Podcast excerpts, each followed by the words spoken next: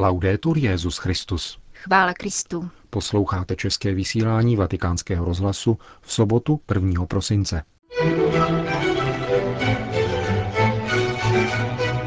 Benedikt XVI. přijal cirkusové a pouliční umělce. Svatý otec vydal motu proprio o církevních charitách. Papež slavil první adventní nešpory společně se studentskou obcí. To jsou hlavní témata našeho dnešního pořadu, kterým vás provázejí Jana Gruberová a Milan Glázer. Zprávy vatikánského rozhlasu. Vatikán. Navzdory deštivému počasí ožilo dnes dopoledne svatopetrské náměstí pestrobarevným průvodem cirkusových a pouličních umělců, loutkářů, kolotočářů, folklorních a dechových hudebníků. Proudili do auly Pavla VI., kde je přijal Benedikt XVI. společně s předsedou Papežské rady pro pastoraci migrantů. Právě tento vatikánský úřad totiž zorganizoval po loňské pouti evropských Romů dnešní audienci pro více než 4 tisíce kočovných umělců z celé Evropy, ale i Ruska a Spojených států amerických. Papež ve své promluvě ocenil veselí, kreativitu a originalitu vlastní této velké umělecké rodině. Dokážete ohromit a vzbudit údiv, utvořit slavnost, nabídnout zdravou zábavu, dodal. Cari amici, proprio a partire da queste caratteristiche, Drazí přátelé, právě díky této povaze a stylu jste povoláni k tomu, abyste dosvědčovali vaše tradiční hodnoty, lásku k rodině, starost o děti, péči o postižené a nemocné, docenění starých lidí a jejich životních zkušeností. Ve vašem prostředí se ještě uchovává mezigenerační dialog, smysl pro přátelství a týmová práce. Jsou vám vlastní přijetí a pohostinnost. Vaše řemeslo vyžaduje odříkání a oběť, zodpovědnost a vytrvalost, odvahu a velkorysost. Cnosti, kterých si dnešní společnost necení, které však formovaly vaši rodinu a celé generace. Benedikt XVI. poté upozornil na problémy, které sebou nese kočovný život a vyzval státní zprávy příslušných zemí k uznání sociální a kulturní funkce putujících umělců. Poukázal pak na spojitost s církví, která je též na cestách. Církev stejně jako vy putuje tímto světem. Proto vás zve, abyste se účastnili jejího poslání skrze vaši každodenní práci. Důstojnost člověka se vyjadřuje také poctivým vykonáváním jeho povolání. Dalším jejím výrazem je nezištnost, která mu nepovolí, aby se dal svázat ekonomickou návratností. Řekl svatý otec v závěru dnešní audience. Pouť pouličních umělců doprovázely také tři symboly jejich činnosti. Před bazilikou svatého Petra tak vyrostlo cirkusové šapito, loutkové divadlo a historický plošinový kolotoč. Benedikt XVI. vydal dokument pojednávající o charitativních institucích.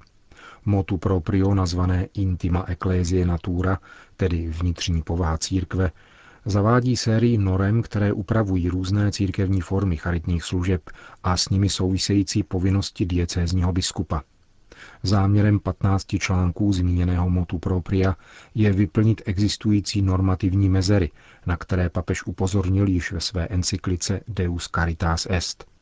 Dokument ukládá diecézním biskupům, aby dohlíželi na charitativní aktivity z hlediska jejich zákonnosti, ekonomické transparentnosti a slučitelnosti s naukou katolické církve. Zároveň mají dohlédnout na volbu a formaci charitních zaměstnanců. Papežské radě Cor Unum pak přísluší kontrola zaváděných norem a ustavení Mezinárodního charitativního organismu. Sekretář zmíněné papežské rady Monsignor Giampietro Daltozo hovořil pro vatikánský rozhlas o obsahu papežského dokumentu. Cílem tohoto dokumentu je zdůraznit zodpovědnost biskupů za charitativní činnost církve, jak stojí na začátku tohoto motu proprio. Podstata církve se vyjadřuje trojím úkolem, hlásáním božího slova, slavením svátostí a službou lásky. Charitativní služba je tedy ustavující dimenzí církve, která má biskupskou strukturu. Proto prvotní i poslední zodpovědnost za charitativní činnost náleží právě biskupům. Konkrétně se to projevuje v pastoraci věřících, které biskup vyzývá ke službě lásky. Dále pak v podpoře charitativních institucí v rámci vlastní diecéze. A samozřejmě také v osobním vztahu k zaměstnancům těchto organismů. Činnost biskupa se tudíž neomezuje na pouhý dohled nebo kontrolu finanční transparentnosti charitativní činnosti. Papežská rada Cor Unum bude bdít nad přijetím tohoto dokumentu. Navíc jsme jako kanonický subjekt oprávněni ke zřizování takových mezinárodních pomocných institucí, které vznikly v katolické církvi a získaly světový rozsah. Syntézu pětistránkového dokumentu Benedikta XVI. podal sekretář papežské rady Cor Unum. Indie. Katolíci v jeho indickém státě Tamil Nádu budou zítra slavit obřad beatifikace vůbec prvního indického lajka. Devasahayam Lazar Pillai, který konvertoval z hinduismu ke katolictví, zemřel roku 1752 mučednickou smrtí. V zastoupení svatého otce indického mučedníka blahořečí kardinál Angelo Amato, prefekt Kongregace pro blahořečení a svatořečení. Život nového blahoslaveného nebyl dlouhý. Narodil se roku 1712 ve státě Tamil Nádu.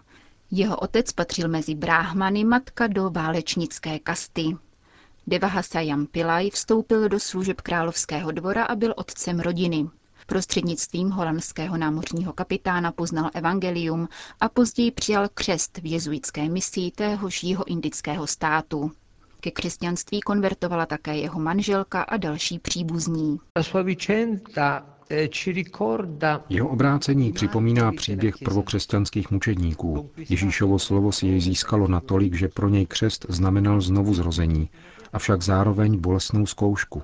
Za necelé čtyři roky po přijetí svátosti křtu byl nespravedlivě obviněn, uvězněn a mučen. Vězení se pro něj stalo misijním územím.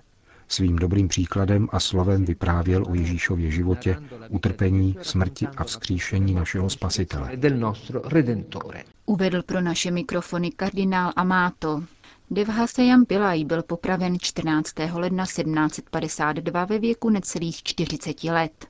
Jeho ostatky byly uloženy v kostele dnešní katedrále svatého Františka Ksaverského v jeho indické diecézi Kotár.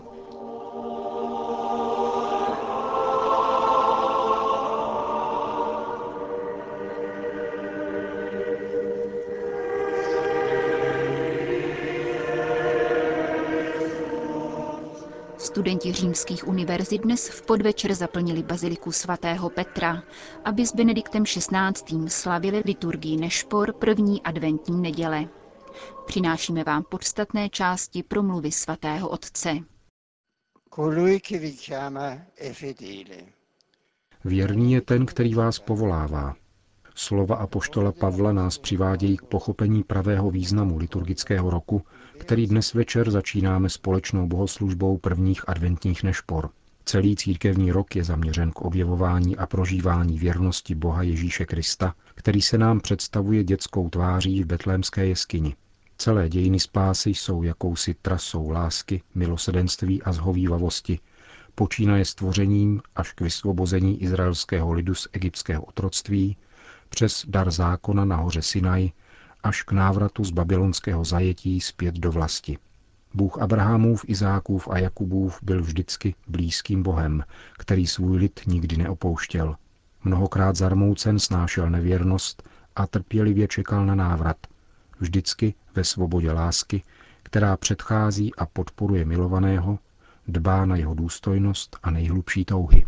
Dio non si è chiuso nel suo cielo. Bůh se neuzavřel do svého nebe, ale sklonil se k lidskému počínání. Je to obrovské tajemství, které přesahuje veškeré možné očekávání. Bůh vstupuje do lidského času nepředstavitelným způsobem. Stává se dítětem a prochází jednotlivými etapami lidského života, aby celá naše existence, duch, duše i tělo, jak připomíná svatý Pavel, uchovala neporušenost a byla pozvednuta k výšinám Boha. A toto vše činí pro svoji věrnou lásku k lidstvu. Pravdivá láska svou povahou tíhne k dobru druhého, k největšímu možnému dobru. Neomezuje se na pouhé dodržování přijatých přátelských závazků, ale jde dále bez vypočítavosti a odměřování. Právě to uskutečnil pravý a živý Bůh, jehož hluboké tajemství vyjevují slova svatého Jana. Bůh je láska. Tento Bůh na sebe v Ježíši Nazareckém bere celé lidství, celé dějiny lidstva a dává jim nový, rozhodující směr, vedoucí k novému bytí lidské osoby charakterizované zrozením z Boha a směřováním k němu. Liturgický rok, který začínáme těmito nešporami, bude i pro vás, drazí studenti, cestou, během níž budete opět prožívat tajemství této boží věrnosti, na které jste povoláni stavět svůj život jako na pevné skále. Slavením a životem této cesty víry spolu s celou církví zakusíte, že Ježíš Kristus je jediným pánem kosmu a dějin, bez něhož hrozí každé lidské konstrukci zánik. Liturgie žitá v jejím pravém duchu je vždycky základní školou života křesťanské víry, teologální víry, která zapojuje celé vaše bytí, ducha, duši a tělo, abyste se stali živými kameny budovy církve a spolupracovníky nové evangelizace. Zejména v Eucharistii je Bůh blízký, protože se stává pokrmem, který je oporou a přítomností, která proměňuje ohněm své lásky. Drazí přátelé, žijeme v kontextu, který se často vyznačuje lhostejností vůči Bohu. Myslím si však, že v hloubi těch, kteří i mezi vašimi vrstevníky žijí vzdálení od Boha, přebývá vnitřní stesk po nekonečnu a transcendenci.